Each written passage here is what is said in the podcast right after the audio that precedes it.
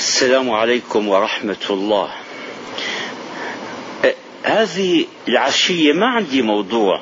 أتكلم فيه بل قعدت أفكر في موضوع غلب علي التأمل الشخصي. رجعت إلى أيامي الماضية أيام الصغر يوم كنت يعني و إلى جنب أمي وإلى جنب أبي وكنت أتصور أنني لا أستطيع أن أنفصل يوما عن هذه الأم وأنني يعني جزء منها وأنني متعلق بها. هي مستودع آلامي وآمالي كما يكون بين كل ولد وبين أمه. فكرت بعد ذلك وإذا أمي هذه لما كنت أظن أنني أستطيع يوما أن أبتعد عنها أو أن أعيش بعد فقدها قضى الله عليها فماتت من من من خمسين سنة و تكونت أسرة جديدة ذهبت الأسرة الأولى التي عشت فيها كان جدي الشيخ الكبير ووالدي وأمي كل هؤلاء ذهبوا. عشت فترة أنا وإخوتي ما كنت أستطيع الابتعاد عنهم. كنا كأننا صفحات من كتاب واحد. كأننا يعني آه، آه، آه، زهرات في طاقة واحدة. كأننا أجزاء من أعضاء من جسد واحد. تفرقنا. الذين كنت ما أتصور البعد عنهم كل واحد تزوج وصارت له أسرة وابتعد عن الآخر. بحمد الله يعني لا تزال صلات المحبة والقرابة والمودة والرحم لكن ابتعدنا. نشأت أسرة جديدة تزوجت جاءني بنات. كنت أحس أن ارتباطي ببناتي ارتباط لا انفكاك منه وأنني لا أستطيع أن أبتعد عنهن ولا أن يبتعدن عني. لكن غلبت سنة الله في خلقه. كبرت أول بنت فجاء من يطلبها فأخذها وذهب بها. صار لها بيت مستقل عن بيتي. صارت لها أسرة هي أقرب إليها من أسرتها الأصلية اللي هي أسرة أبيها وأمها تفرق البنات. وصارت كل بنت في بلد وكل بنت لها بيت. وما كنت يعني أتوهم أنه صلة دائمة لا تنفصم انفصمت. وإن كان الابتعاد في المكان لا ابتعاد لم لم يكن ابتعادا بحمد الله في القلوب ولا في العواطف ولا في الصلات.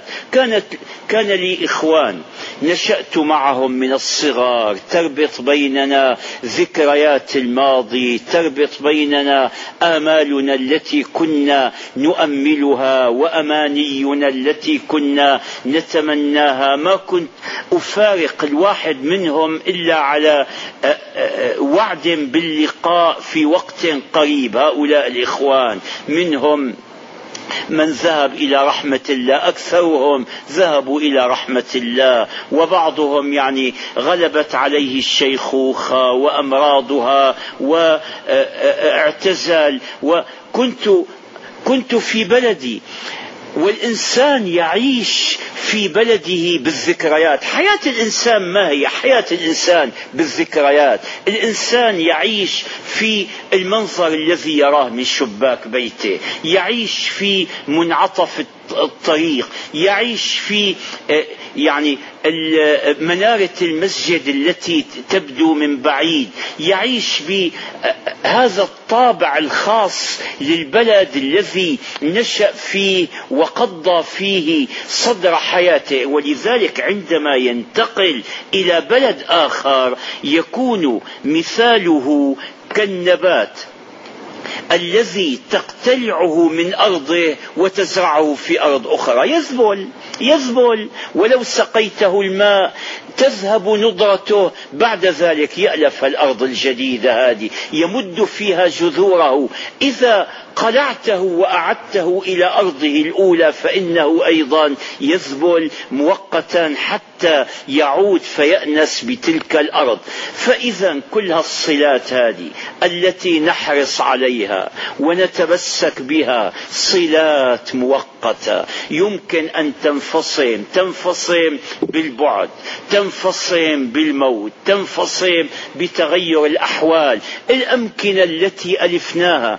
أنا مضيت شطرا كبيرا من حياتي في مدرسة قديمة في دمشق. هي أقدم مدرسة للشافعية قريبة في سنها يعني من سن الأزهر. مضت علي مرت عليها أدوار مختلفة. انتهت في آخر المدة أن تكون مدرسة أهلية ابتدائية. أمضينا ثلاثين سنة. نخرج كل يوم كل يوم جمعة من صلاة الجمعة إليها. نبقى إلى ما بعد العصر. وإخوان ضمتهم تلك الغرفة. تتصورون أني ذهبت قلت أمر عليها أجدد بها يعني ذكريات حياتي. الحياة الذكريات.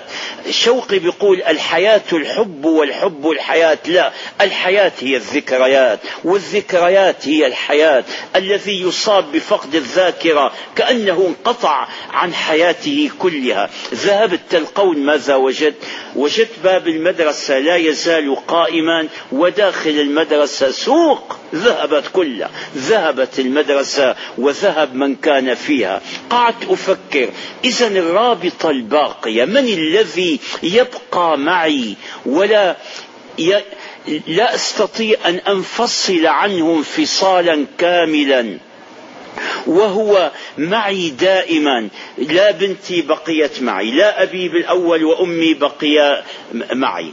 ولا بناتي ذهبن وفقهن الله وفقهن وأسعدهن وهن وأولادهن وأولاد المسلمين جميعا. ذهبت كل واحدة فصار لها بيت هو بيتها الأصلي وصارت لها أسرة هي أسرتها الأصلية. وصرت أنا كأنني يعني شخص مواطن من الدرجة الثانية عندها لأنه آه، هذه سنة الحياة. أصحابي كما قلت لكم ذهبوا.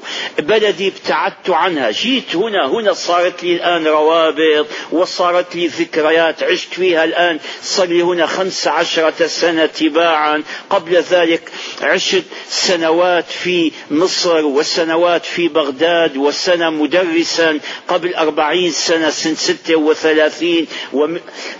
في قريب من ذلك الوقت عشت في بيروت. إذا الرابطة الباقية الوحيدة التي لا فكاك لها ولا يستطيع الإنسان أن يقطعها هي رابطته بالله.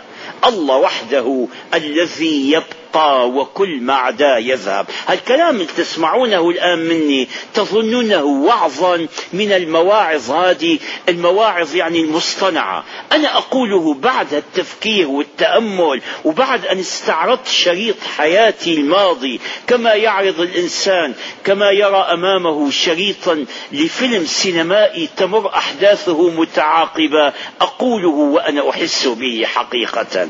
أقوله وأنا أرى أرى أمامي الحقيقة الواحدة الباقية. لكن نحن مشكلتنا شو هي أننا نسينا الله فأنسانا أنفسنا. ولا تكونوا كالذين نسوا الله فأنساهم أنفسهم. فكروا معي بمعنى هذه الآية. ألم ننسى نفوسنا؟ هلا الواحد منا ماذا يصنع؟ من حين ما يصبح صباحا إلى أن يمسي. نعم يقف بالصلاة قد يقف في الصلاة وعقله نصفه في الصلاة والنصف خارجا عنها. يمضي حياته في لقاء الناس. إذا لم يجد شيئا يعمله واحد رايح عند طبيب الأسنان وعليه أن ينتظر ربع ساعة تثقل عليه. الربع ساعة يثقل عليه الزمان. ليش؟ لأننا لا نستطيع أن نخلو بأنفسنا. والله عجيب. نفسي أنا عدو لي. أريد عمري اللي رأس مالي أقطعه بأي شيء؟ واحد بيقول لك بإيش بدي أقطع الوقت؟ يسأل الشباب بماذا نمضي فراغنا؟ ولك يا عمي فراغكم هذا وفراغي هذا ووقتي ووقتكم هذا رأس المال. هذا هو العمر. فهل نسعى لأن, لأن نقطع أعمارنا نقطع أوقاتنا بقراءة رواية سخيفة بمشاهدة فيلم تافه بحديث أو اجتماع لا منفعة؟ منفعة منه في دنيا ولا آخرة. أي شيء هات لي أي شيء بس لا تتركني أنا ونفسي أواجه الزمان الذي هو العمر. إذا أنا نسيت نفسي.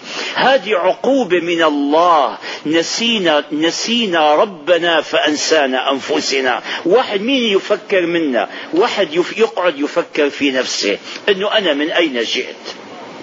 مثل ما قال إيليا أبو ماضي لست أدري. لا أنا أدري. أنا أدري وأنتم تدرون وكل مسلم يدري لأن الله دراه. الله خبرنا. خبرنا عن جزء من أعمارنا نحن ما عرفناه. ما كان قبل الولادة أنا كنت كما قلت لكم من حلقات في فترة قضيتها في بطن أمي ما أذكر عنها شيئا لكن كنت أنا فيها. إذا أنا حياتي لم تبدأ بالولادة حتى تنتهي بالوفاة. وال الذي لا أستطيع هو أقرب إلي من كل أحد.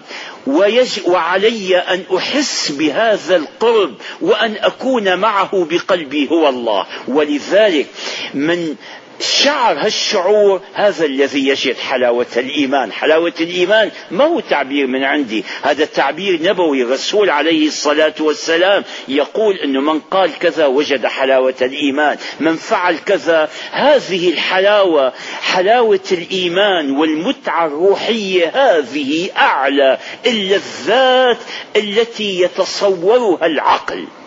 والسلام عليكم ورحمة الله.